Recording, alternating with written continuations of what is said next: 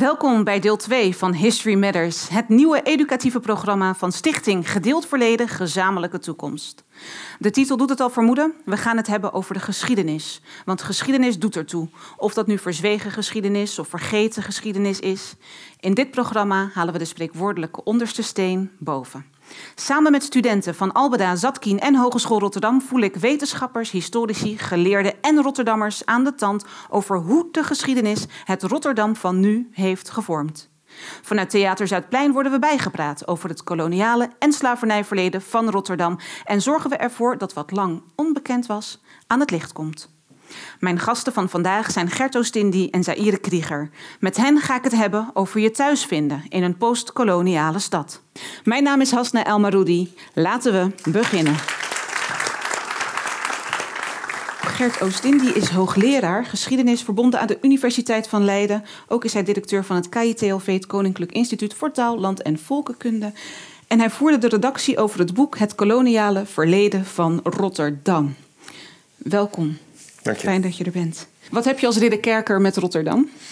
Uh, nou moet ik heel eerlijk zijn. Mijn, mijn moeder die ging uit Ridderkerk uh, in Rotterdam op school. En dat was de eerste uit, uit, zo ongeveer uit dat dorpje toen nog... die naar Rotterdam uh, op school mocht. Dan zei ze, oh, bij jullie komt zeker de bus voorbij, zei ze altijd. Het was van stoer dat je helemaal naar de grote stad gaat.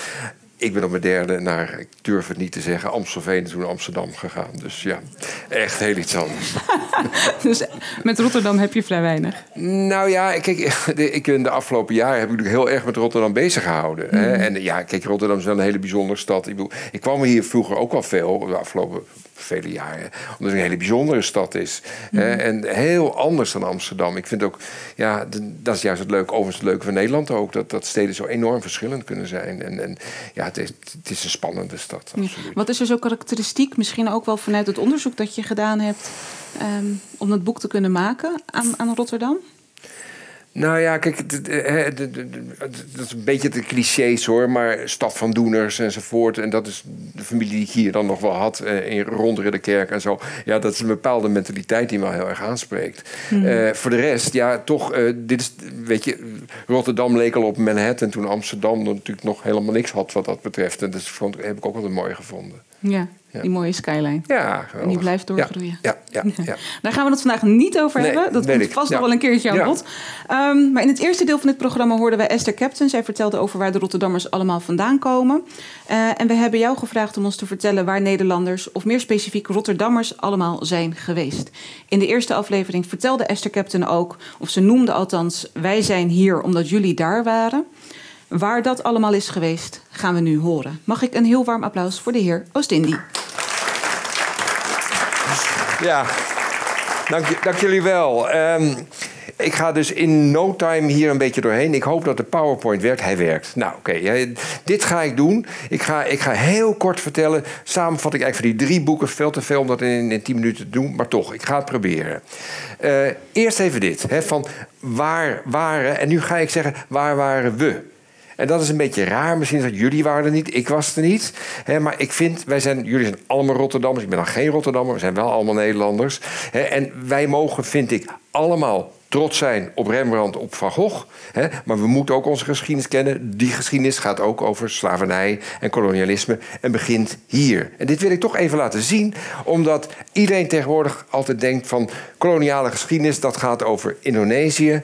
En dat gaat over Suriname en dat gaat over de zes eilanden die we nu de Antillen noemen. Nou, eerst even dat, niet waar. In de 17e eeuw, dus die zogenaamde Gouden Eeuw, was Nederland all over the place. We waren in, uh, hier overal, in China, Japan, uh, India, Arabische Zee, uh, West-Afrika niet te vergeten natuurlijk, Bra Brazilië, de landen naast Suriname, nou, Nieuw-Nederland, huidige Manhattan. Hè.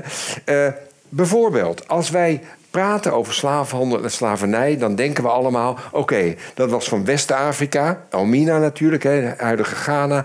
En daar vandaan ging dat allemaal naar Suriname en Antillen. Nee, het begon hier in Brazilië. Dat was eerder, dat was tussen 1630 en 1654. Toen heeft Nederland die nare smaak ontwikkeld van veel geld verdienen door te handelen in mensen die suiker voor je gaan planten, planten en daar ga je een boel geld mee verdienen. Dat begon daar. Dat begon niet in Suriname, begon niet in Antillen, dat begon daar. Nou, uiteindelijk, en natuurlijk de Kaapkolonie, nu Zuid-Afrika, dat is ook heel lang, uh, een paar eeuwen, anderhalve eeuw, ook een Nederlandse kolonie geweest. Vandaar dat nog steeds in Zuid-Afrika uh, zoveel mensen, 7 miljoen of zo, Afrikaans spreken, wat een soort Nederlands is. Nou, toch eventjes dat je hiervan een idee hebt. dat is die geschiedenis, daar waren we, om het zo te zeggen. E-, even toch een paar algemene dingen die ik je wil zeggen over Rotterdam. Ehm, Rotterdam is niet een stad die van meet af gebouwd was op slavernij of, of op koloniale handel of wat ook. maar zoals je allemaal weet, Rotterdam is echt een handelsstad. Nou, vanaf het moment dat Nederland een koloniale natie wordt, doet Rotterdam daarin mee. Sterker nog, de, de groei van Rotterdam als een koloniale uh, haven enzovoort, eh, als een haven, komt mede omdat Rotterdammers enorm in de weer zijn met uh, die koloniale onderneming. En dus ook met slavenhandel en ook met slavernij. En dat is echt een wezenlijk onderdeel van de Rotterdamse geschiedenis. Ehm, en dat is niet alleen dat er allerlei allerlei uh, uh, ondernemers zijn die denken we kunnen daar veel aan verdienen. Maar het zijn ook de burgemeesters, hè, zoals we tegen, tegen burgemeester Abu Talib hier hebben gezegd. En hij zelf dat ook zei. Aha, ik begrijp dus, mijn voorgangers die zaten in die koloniale handel, die waren verantwoordelijk voor slaafhandel. Ja, dat klopt dat waren ze. Want dat hele gemeentebestuur die zei: Nou, oké, als dat big business is, doen we eraan mee. Deden ze in Amsterdam natuurlijk ook, ze deden het in Zeeland ook. maar dat was het idee wat men had. En dus, er waren allemaal mensen uit de Rotterdamse elite... die investeerden in de Verenigde Oost-Indische Compagnie, de VOC... in de West-Indische Compagnie. en die dat allemaal deden met het idee, daar worden we beter van, financieel. Um, en dat betekent dus ook hè, dat, dat heel veel Rotterdamse bedrijven, ook bedrijven die nu op een of andere manier nog altijd bestaan, denk aan ABN Amro, hè, Amsterdam Rotterdam Bank, hè, maar ook alle de ASR, verzekeraars en zo, dat die een geschiedenis hebben waarin die koloniale handel, en in sommige gevallen, niet, niet in alle gevallen, misschien niet eens de meeste gevallen, maar toch ook veel, hè, eh, iets met die, met die handel in mensen, uh, dat dat een rol heeft gespeeld in hun voorgeschiedenis. En daar moeten ze ook zich rekenschap uh, van geven. Rekenschap van geven. ja, en dan is toch de vraag hè, die we allemaal vandaag... hoe is dat in godsnaam mogelijk geweest? Hoe is het mogelijk dat mensen niet dachten... dit kan niet?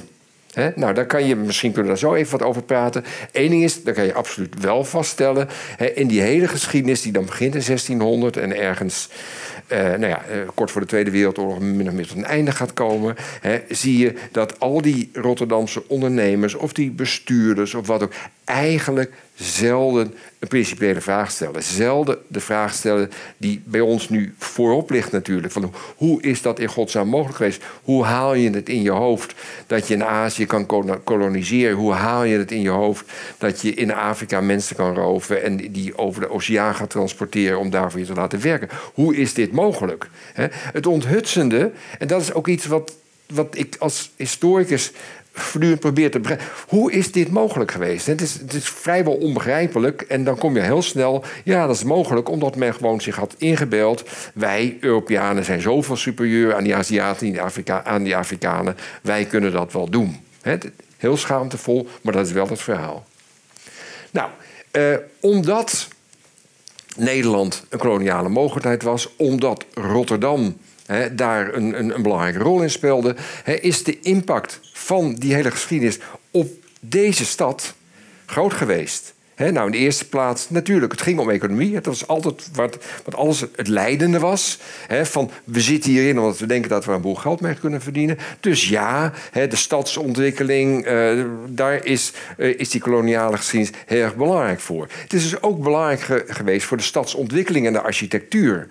de, de uitbouw, de, de steeds grotere havens enzovoort. heeft alles te maken met handel. In dat geval vooral 19e eeuw, vooral op Indonesië, overigens, het Indonesië. Maar ook in architectuur. Hè. En er zijn, in, in, in dit boek staan allerlei voorbeelden van prachtige platen, ook daarvan van, van, van gebouwen die daar naar verwijzen. Maar ja, door het bombardement in de Tweede Wereldoorlog van Rotterdam is juist de binnenstad natuurlijk grotendeels verwoest geweest. En daar stonden de meeste gebouwen die een hele directe koloniale geschiedenis eigenlijk hadden. Hè.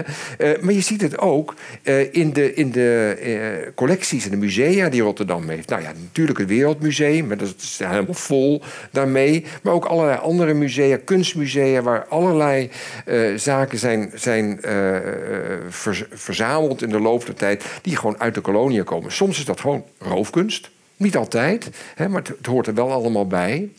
Uh, een, een ander verhaal, een wat, wat positiever verhaal daarbij is... en uh, Esther Captain die heeft daar ook al wat over gezegd... Hè, dat, je, uh, dat er op een gegeven moment in de 20e eeuw... men bijvoorbeeld tropische geneeskunde gaat ontwikkelen... dat men op de universiteit... dat er ook mensen uit de, uit de koloniën komen... die hier komen te studeren enzovoort. Hè, en, en dat is ook iets wat in de stad nog steeds ja, zijn spoor heeft achtergelaten. Um, die geschiedenis van kolonialisme en van slavernij is letterlijk per definitie is een geschiedenis van machtsmisbruik, van winstbejag en van racisme en van geweld. Het is niet anders. Ik kan het niet mooier maken dan dat is. Uh, dat is.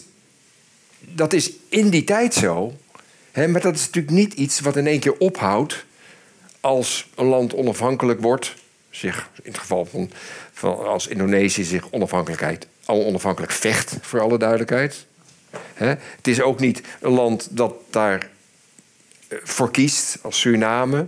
Uh, het is ook niet voor de Antillen, die nog steeds onderdeel zijn van het koninkrijk, dat dat allemaal op een gegeven moment, ja, er is decolonisatie geweest, nou is het allemaal over, nu zijn het allemaal vergeten. Nee, daar zijn er allemaal erfenissen en die zijn er hier natuurlijk ook. En, en uh, kijk, één erfenis is gewoon de samenstelling van de stad. dat, dat is in Rotterdam natuurlijk heel sterk. Mensen die uit de voormalige kolonie hier gekomen zijn. Inmiddels al vele generaties.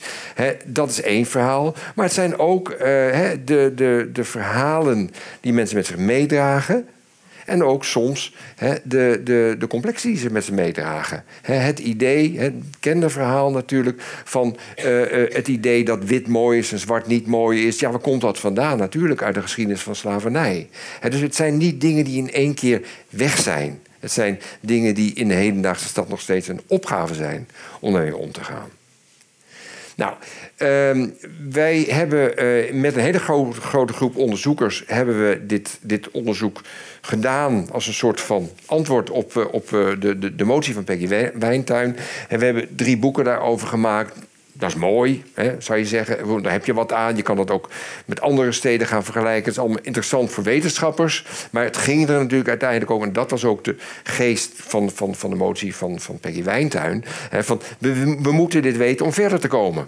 Hè, we, we moeten die geschiedenis onder ogen zien met z'n allen jullie allemaal als Rotterdammers, daar kan ik niet aan meedoen, maar goed. Hè, uh, je, je, moet dat, je moet dat willen zien. Want als je dat niet wil zien, dan kan je het ook nooit gezamenlijk achter je laten. Je moet het gezamenlijk willen zien, je moet het gezamenlijk achter je laten. En dat is natuurlijk de kern van deze hele serie eigenlijk waar we nu met z'n allen mee bezig zijn en jullie mee bezig zijn. Dankjewel.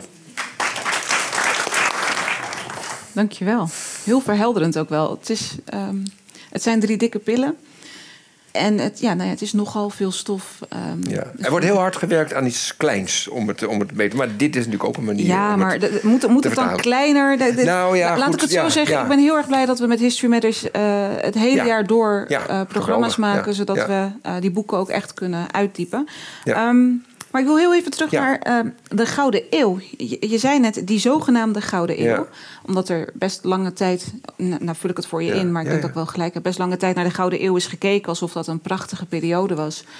Um, financieel gezien misschien voor dit deel van de wereld wel, maar voor andere delen van de wereld niet. Het duurde heel erg lang voordat dit, deze onderzoeken er waren, dit onderzoek er was, totdat deze boeken er kwamen. Er kwam een motie van uh, Peggy Wijntuin aan te pas. Waarom heeft het zo lang geduurd voordat um, dat onderzoek er kon zijn, voordat men dat leed onder ogen wilde komen? Ja, um, en dat geldt voor Rotterdam, maar dat geldt natuurlijk voor heel Nederland. Ja. Hè? Uh, er is een enorme stap, een enorme drempel te nemen. En dat heeft natuurlijk mee te maken, daar is Nederland overigens helemaal niet uniek in. Hè, eh, landen willen graag eh, een fijn verhaal hebben over hun eigen verleden. En het fijne verhaal over Nederland is... wij zijn een soort van moreel gidsland. Hè? Wij zijn uh, progressief. Kijk maar naar onze, gaan we, onze Gouden Eeuw. Hè, waar al fantastische kunstenaars... waar iedereen uit heel Europa kwam hier. En er was, er was tolerantie. Het maakte niet uit of je Joods was of christelijk. Uh, alles was goed. dat, dat idee... Ja, maar wacht even, dat is precies de periode waarin we dan ook beginnen met kolonialisme en slavernij enzovoort. Dat past niet in dat beeld. er is dus een enorme drempel te nemen voordat je zover bent dat je zegt van oké, laten we eerlijk zijn, dat hoort er ook bij. Nou, ehm, is dat nou dat, dat historici dit allemaal niet wisten? Tuurlijk. maar het, het, is heel sterk de invloed geweest, juist van mensen uit de koloniën die zich hier vestigden. Mhm. En die zeiden: ja, wacht eens even. We hebben wel een ander verhaal te vertellen over die geschiedenis. Luister eens naar ons.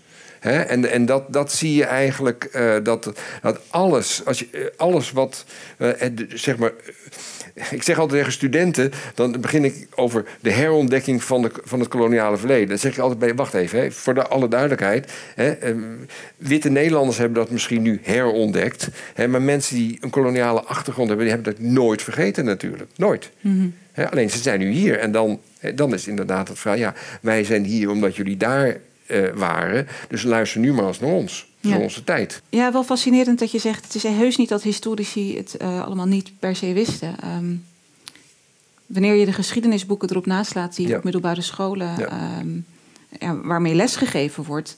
dan schrik je je toch... althans ik schrik me in ieder geval een hoedje... want het N-woord wordt gebezigd. Er wordt in eufemistische termen gesproken over uh, de slavenhandel... over tot slaafgemaakte. Hoe kan dat dan nog? Uh, ja, dat, dat, uh, nou ga ik niks zeggen om het goed te praten, uh, dat is duidelijk. Ehm, wat ik wel zie, is dat de afgelopen vijf of tien jaar een enorme inhaalslag gepleegd wordt. Het gebeurt echt. Mm -hmm. hè? En die illusie heb ik wel. Dit soort boeken helpen daar natuurlijk ook mee.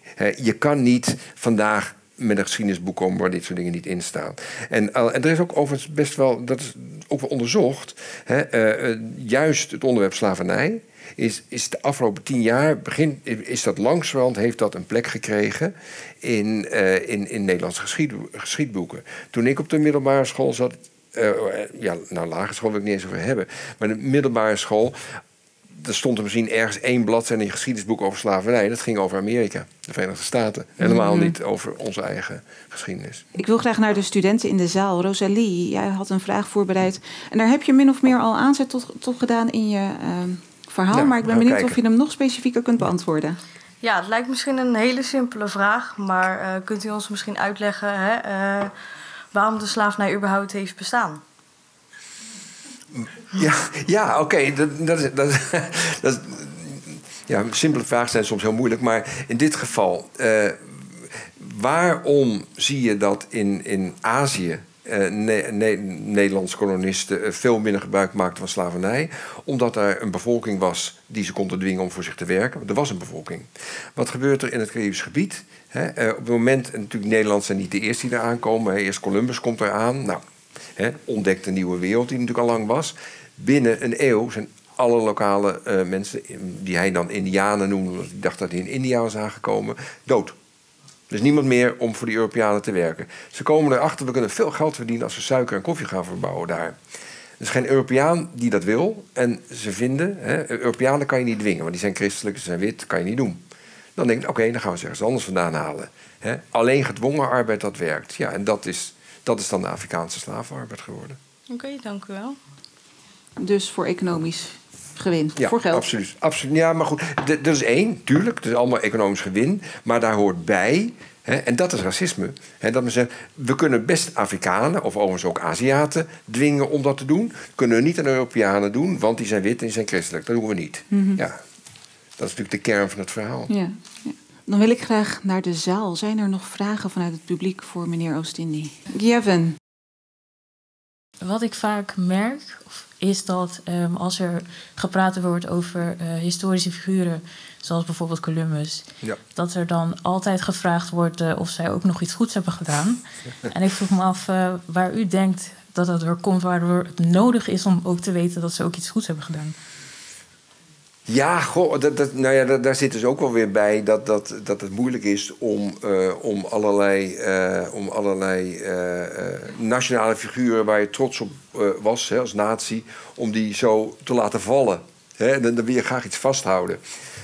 en, en dat is, ja, soms, je kan zeggen, het haast op het kinderlijke af. Hè? Moet maar benoemen wat het is. Hè? En, ik vind een, een, een, mooi voorbeeld is, is uh, Piet Hein. We zitten hier, Rotterdam. Hè? Uh, Piet Hein, de Zilvervloot, Feyenoord, kom op. Hè? weet je, dat, ja. dat gaat allemaal over... Wat doet Piet Hein? Hè? En dat is lang voordat de Nederlanders uh, de Antillen hebben bezet... of Suriname hebben bezet of wat ook. Hè? Die kaapt, rooft... Dat is gewoon staatsterrorisme. Hè? Die, die kaapt de, de, de, de zilvervloot van de Spanjaarden. En maakt dan Nederland daarmee in één keer, of de Nederlandse elite daarmee in één keer heel erg rijk. Hè? Nou ja, dat zijn van die dingen, daar worden jongensboeken over geschreven. En dat is dan een held. En dan plotseling zegt iemand: hé, hey, maar wacht eventjes, was hij ook bezig met slavenhandel? Hè? En dan, nou ja, dan zie je dat dan. dan het, ja, maar goh, dat soort helden, die willen we toch niet laten vallen? Ja, ik denk dat. Oké, duidelijk, dank u wel. Dames en heren, mag ik een warm applaus voor de heer Gert Oostindie? De Rotterdammer staat centraal bij History Matters. Daarom vroegen we Open Rotterdam om de straat op te gaan en met de Rotterdammer in gesprek te gaan over de vraag: wat maakt Rotterdam jouw thuis? Hoezo voel ik me in Rotterdam? Zou je precies zeggen? Zou je precies zeggen? Kijk, hier in Rotterdam, alle uh, Turken, Marokkanen, Antillianen, Suriname, die mix daartussen dat maakt mij in Rotterdam. Wij zijn broeders hier van elkaar. In mijn beleving, de mensen die ik ken. Oké. Dat maakt mij in Rotterdam dat ik me thuis voel tussen mijn mensen. Ik ben Rotterdammer, ja. 33 jaar, ik woon hier. En wat is dan het gevoel van een Rotterdammer? Allemaal mensen, gezellig. Je ziet de mensen lopen daar, praten met die. Beetje chillen. Ja toch? Wat betekent thuis voelen voor jou? Thuis voelen voor mij? Ja. Bam. Als je van Amsterdam komt uh, en je komt op de, de grens van Diergaarden, dan zie je die skyline. Dat is thuis voelen. De Rotterdamse skyline. Nou, Rotterdam is voor mij sowieso thuis voelen. En dat komt omdat ik hier geboren ben. En mijn ouders zijn hier naartoe gekomen. Een aantal jaar geleden, of ja, flink aantal jaar geleden. En thuis voelen is gewoon mezelf zijn. Veilig. Thuis is veilig. Veiligheid is het belangrijkste. Ja, zeker weten.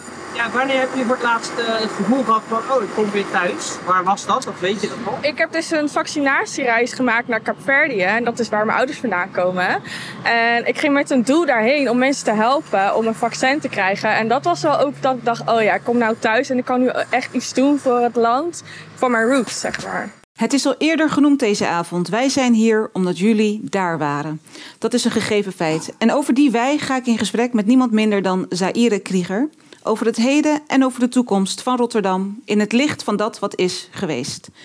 Nederland kent haar inmiddels als de vertaalster van het werk van Amanda Gorman. Maar hier in Rotterdam kennen we haar vooral vanwege haar werk als spoken word artist. Maar ook als mede-organisator van de Black Lives Matter demonstratie in Rotterdam. Mag ik een warm applaus voor Zaire Krieger? Dankjewel. Welkom. Dank Zo fijn dat je er bent. Dankjewel. Leuk om ook bij jou te zijn. Jij bent ook Rotterdammer met trots. Mhm. Maar nog niet zo heel erg lang. Ja, oké. ik heb iets op te biechten. Ik hoop dat jullie me vergeven. Ik ben in Amsterdam-Noord geboren. Ja, maar daar moet ik bij zeggen, Amsterdam-Noord is heel speciaal omdat het heel erg lijkt op Rotterdam. En op een gegeven moment ging Amsterdam... Nee, dit is waar. Op een gegeven moment, wat er op een gegeven moment in Amsterdam-Noord gebeurde, en dat kan je gewoon opzoeken, toen werden mensen uit hun huis gezet omdat er uh, rijkere mensen uh, huizen nodig hadden daar, blijkbaar, want dat werd hip. Uh, dus toen moesten wij daar weg. Dus toen is mijn moeder naar Zandam gegaan en toen wilde ik graag studeren in Rotterdam. En dat was acht jaar geleden en ik ben hier nog steeds heel happy thuis. En ik heb ik studeer ook niet meer in Rotterdam. Ik studeer eigenlijk in Tilburg, technisch gezien. Maar uh, ik heb nog nooit een voet op dat campus gezet, want corona. Dat even daar terzijde. Nee, dus uh, ik ben al acht jaar heel happy Rotterdammer. Ja. En wat maakt Rotterdam jou thuis? ik, nou ja, je ziet, je was daar op de Kruiskade. En mijn soort van litmus-test van hoe thuis ik me ergens voel... is hoe snel ik aan mijn haarproducten kan komen in de stad. En, als je, en het is nu in Amsterdam anders, want ze hebben nu een haarwinkel op Centraal Station sinds heel kort, maar die heeft niet alles. En ik weet in Rotterdam, als je van het centrum, als je uit het Centraal Station komt, je gaat naar rechts en je komt de kruiskade op en je hebt gelijk tien haarwinkels. Weet je? En dat is voor mij thuis. En je hebt een Surinaamse winkel en je hebt een Caverdische winkel en je hebt, dat voelt echt thuis. Ja. ja. Dus thuis zit in je haar. Ik ook, mede in mijn haar. En gewoon het, het feit ik denk dat um, hoe gemixt de groepen zijn, verschillende etnische groepen zijn, heel belangrijk is, maar ook heel speciaal is. Ik doe vaak uh, gigs in hele kleine steden, in Arnhem en zo, en in, in Maarn. Hele rare plekken. Hele, hele rare plekken waar ik niet dagelijks kom, laat ik het zo zeggen. Hele leuke stad door Arnhem. kom er niet dagelijks. Um, maar dan mis je die verscheidenheid van mensen. En waarom is dat zo belangrijk? Ik, ik, ik denk dat het een bepaalde empathie opwekt. En een mhm. bepaalde, een bepaalde gevoeligheid voor andere mensen die je niet zo snel ziet op, in steden of op plekken waar dat, die etnische verscheidenheid er niet zoveel is. Heeft het ook met herkenbaarheid te maken misschien? Met... 100 procent. Het, het, het interessante is dat, dat je ook heel vaak jezelf niet herkent. Mhm. Ik bedoel, als ik met Afghaanse vrienden spreek, herken ik niet per se mezelf in die Afghaanse vrienden. Maar er is toch iets, iets wat ons bindt in het anders zijn mhm. dan, dan een status quo. Ehm, dus dat is wat heel erg uh, heel fijn is in Rotterdam. Ja. En met anders zijn bedoel je? Uh, niet wit zijn, gewoon heel plain. Ja. Gewoon het niet wit Er, is, er, zit een soort van verbinding in. Je kan. Je hebt een soort van. Ik weet waarover jij het hebt als je zegt dat die ene persoon zegt dat je zo goed Nederlands sprak. Ik weet wat je bedoelt daarmee. Ja, dat zijn de kleine dingetjes, maar dat, dat uh, verandert een gesprek. Ja. ja. Ik wil eigenlijk even terug naar uh, het spoken word piece dat je uh, in de eerste uh, aflevering gedaan hebt voor ons. Dat is een, een piece dat je ook bij de slavernijherdenking hebt gedaan. Mm -hmm. um, er wordt vaak ook wel gesproken over erfenissen uit het slavernijverleden of de koloniale geschiedenis. En in jouw stuk ging het ook heel erg over je eigen geschiedenis en ook over wat je daarvan hebt meegekregen en hoe, hoe dat zich in het nu uh, vertaald. Je hebt het over haar, maar je hebt het ook over uh, taal. Bepaalde taal niet mogen spreken thuis. Ja. Um, History Matters is een educatief programma, dus het gaat ook heel erg over wat, wat brengen we over. En als, dan wordt vaak naar onderwijs gekeken. Maar wat, in hoeverre is het thuis ook belangrijk, in de, op, de opvoeding? Um, waarin je bepaalde boodschappen wel of niet meekrijgt. Dat je, de, dat je taal, ik denk dat het heel belangrijk is. Bij mij, mijn moeder is een Nederlands docent. Dus die heeft mij niet heel bewust aan het ongen meegegeven, behalve als ze heel boos was. Uh, dus ik kan alles worden in het Sranantongo en ik kan alles begrijpen, maar niet zeggen. Over gentrificatie gesproken. Ik, toen ik in de trein was naar Arnhem, dit is heel raar, weet je. Toen, zat ik, uh, toen hoorde ik opeens in mijn soort van rechteroog, hoorde ik... ja, er passen niet zoveel mensen in die waggie. En ik dacht, ik zit in de trein naar Arnhem, hoezo hoor ik waggie? Um, maar het, het, het fascinerende aan, aan etnische groepen in grote steden is dat onze taal wel travelt. Uh, en dat straattaal ook heel veel cultuur heeft. Mhm. en, en, en zich een soort van in alle hoeken en gaten van ons land toch wel weer vindt. Um, ik vind het heel soms vervelend dat het Surinaams uh, zo'n straattaal is geworden, omdat ik ook vind dat het zijn, zijn rechtmatige plek als volwaardige taal verdient mhm. in onze cultuur. Uh, maar het is ook wel een soort van raar en tof om te zien hoe heel veel jongeren dat overnemen. Dus ik denk, ja, het is heel erg belangrijk. Maar terug naar die erfenissen en die geschiedenis. Um, ik ben dan toch wel benieuwd naar of je je altijd zo verbonden hebt gevoeld ook met, uh, met je eigen verleden. En hoe dat in je opvoeding misschien wel uh, naar voren is gekomen. Ik denk dat ik op een rare manier wel moest. Hmm. Het is een soort, een soort panzer. Mhm. Je moet je kunnen weren. Omdat als je, ik ben dus opgegroeid in Amsterdam en ik ben naar een categoraal gymnasium gegaan in Amsterdam. Dus dat was volledig wit. Um, en ik heb daar een hele goede, leuke educatie gehad met hele leuke mensen. Maar er wordt je wel vaak gevraagd waar kom je vandaan. Dus ik moest me een soort van gaan verdedigen. Dus ik zocht ook mhm. wel echt dingen op om me te kunnen verdedigen. En dan kreeg ik vragen als van, zit Suriname niet in Afrika? Oprecht gymnasium. Uh, dus uh, ja, hele slimme mensen. Uh, behalve, behalve als het over slavernij gaat. Dus ik moest me weren. En ik heb ook gevochten met mijn geschiedenisdocent over waarom is er niet meer kennis over de slavernij in onze boeken. Dus de, ik moest die kennis opzoeken om te weten waar ik vandaan kom. Als ik dat niet deed, dan, dan zou ik mezelf verliezen in, in, in, in een soort van massa. Ja, en waar zocht je dat dan op? Internet. Ik heb boeken gelezen. Ik ging mhm. ook, nou ja, mijn, mijn liefde voor poetry, Maya Angelou, mm kwam heel erg uit mijn zoektocht naar, naar wie ik was of waar ik vandaan kwam. Um, ja. Dus ja. Ja, dan gaat dan ook weer over identiteitsvorming, wie je bent. Ja, 100 procent. Ja. ja. Ik wil graag even naar de studenten. Brianna, jij had ook nog een vraag um, voor Zaire. Ja, mijn vraag was eigenlijk: als jij de Rotterdamse identiteit zou moeten omschrijven, hoe zou je dat dan doen? De hardwerkende Rotterdammer. nou, niet per se hardwerkend. Ik denk gewoon real. Gewoon echt. Ik, ik, ben, ik werk dus ook best wel vaak in Amsterdam. En ik heb het idee dat als, als, als een Rotterdammer iets met je meent... of je niet aardig vindt, dat je dat ook sneller gaat weten... dan bij een Amsterdammer, om het even zo te zeggen. Ze zijn gewoon realer met je. En dat vind ik heel fijn. Ehm, ik denk ook dat Rotterdam zich heel erg kenmerkt door het soort van rebels anders zijn. Door heel erg lang in de schaduw van Amsterdam te hebben gestaan. Dat gaat niet zo lang meer duren, denk ik.